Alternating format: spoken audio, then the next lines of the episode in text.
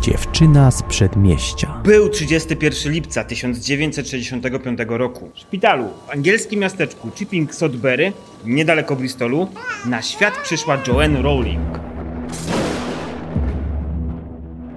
Ze strony matki miała francuskie i szkockie korzenie. Jako dziecko przyszła autorka wielokrotnie się przeprowadzała. W ogrodzie przy domku w Winterbourne wymyślała swoje pierwsze historie. Później wraz z rodzicami i młodszą o dwa lata siostrą Diane, Joe zamieszkała w starym kamiennym domu w Toots Hill na granicy z Walią.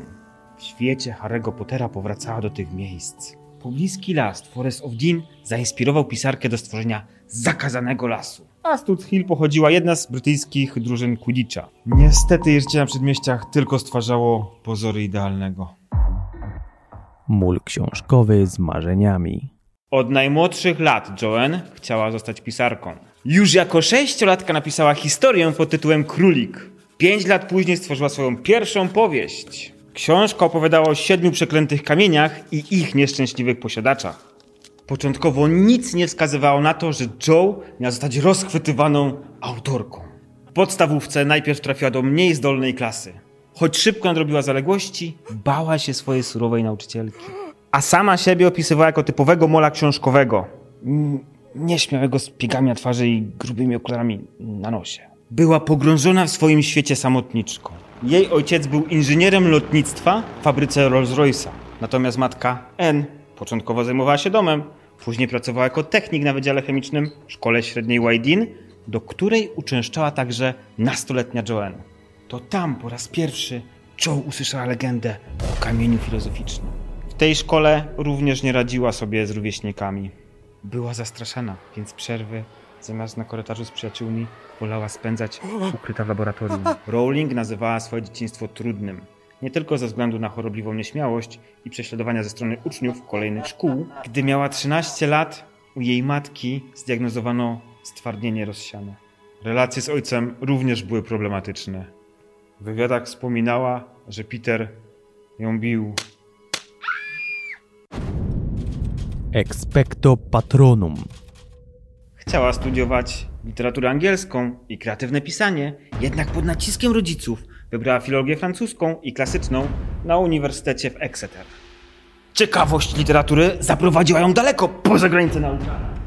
Choć wtedy znajomi mogli uważać ją za zwykłą kujonkę, znajomość łaciny pomogła jej stworzyć jedną z najpopularniejszych serii książek młodzieżowych na świecie.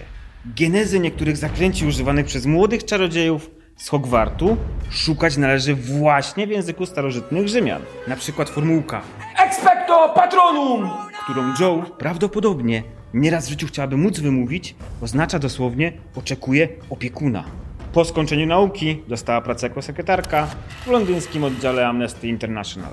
W moim gabinecie czytałam pośpiesznie na was grane listy przemycane z totalitarnych reżimów przez mężczyzn i kobiety, którzy ryzykowali uwięzieniem, aby poinformować świat zewnętrzny o tym, co się z nimi dzieje, opowiadała.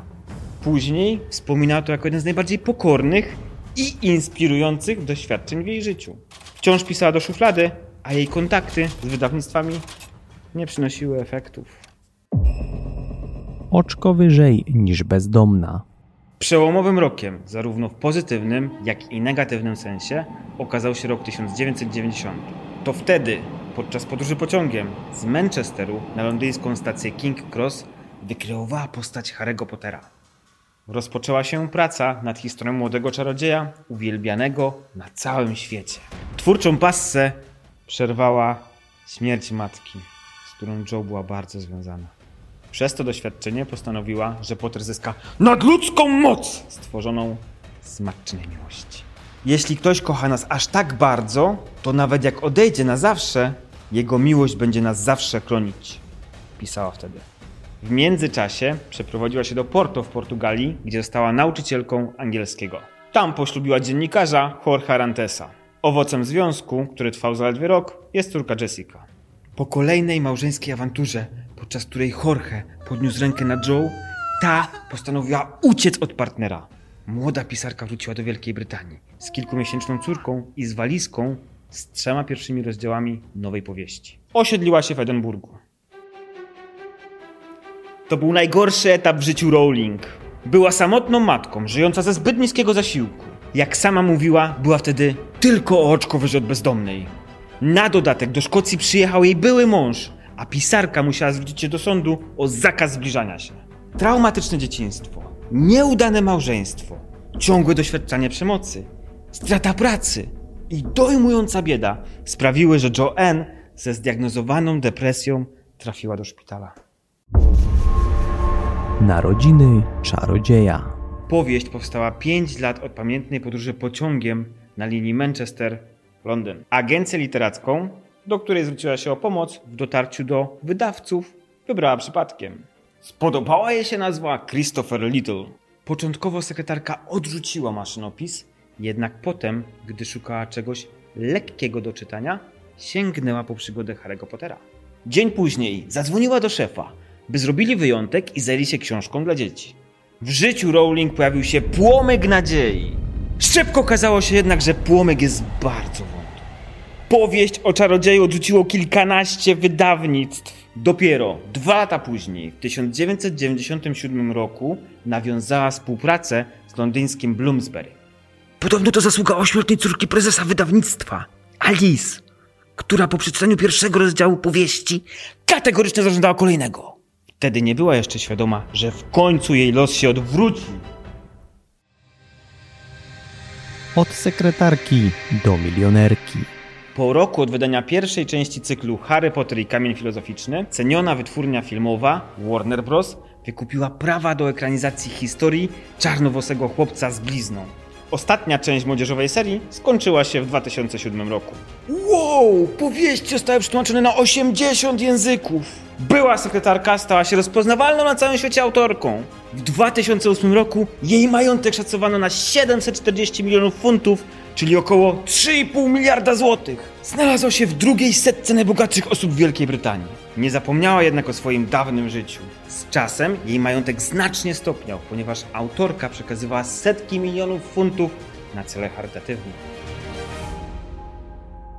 Miejsce na szczycie. Początek XXI wieku przyniósł Joe nie tylko sukces zawodowy, ale i zmiany w sferze prywatnej. W 2001 roku wyszła za mąż za 6 lat młodszego lekarza Nila Michaela Mareya. Jessica zyskała przybrane rodzeństwo, brata Davida i siostrę Mackenzie. W dorobku Rowling ma jeszcze kilka pozycji odnoszących się do przygód Pottera.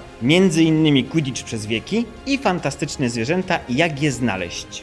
Stworzyła również sztukę teatralną Harry Potter i Przeklęte Dziecko, która odnosi się do dorosłego życia znanego czarodzieja. Wśród fanów powieści detektywistycznych zasłynęła serią o Kormoranie Strajku, którą wydała pod pseudonimem Robert Galbraith. Do dorosłego czytelnika próbowała dotrzeć natomiast opublikowaną w 2012 roku książką Trafny wybór. W tym samym roku satyra na brytyjską klasę średnią została przerobiona na miniserial przez telewizję BBC. Co ma być, to będzie. Cały cykl o Harrym Potterze obrazuje jej życie. Trudne dzieciństwo, przemoc i bieda były jej osobistym Voldemortem. Gajowy Hagrid zwykł jednak mówić, co ma być, to będzie. A jak już będzie, to trzeba się z tym zmierzyć. Poprzez przygodę czarodziejów uczy, że nawet sytuacja, która wydaje się nie mieć wyjścia, diametralnie w jednym momencie może się odmienić. Pokazuje siłę miłości i przyjaźni. W powieściach angielskiej pisarki możemy znaleźć to, co sama sądziła o życiu. Nie musisz się wstydzić tego, co teraz czujesz. Przeciwnie, to, że odczuwasz taki ból, jest twoją największą siłą.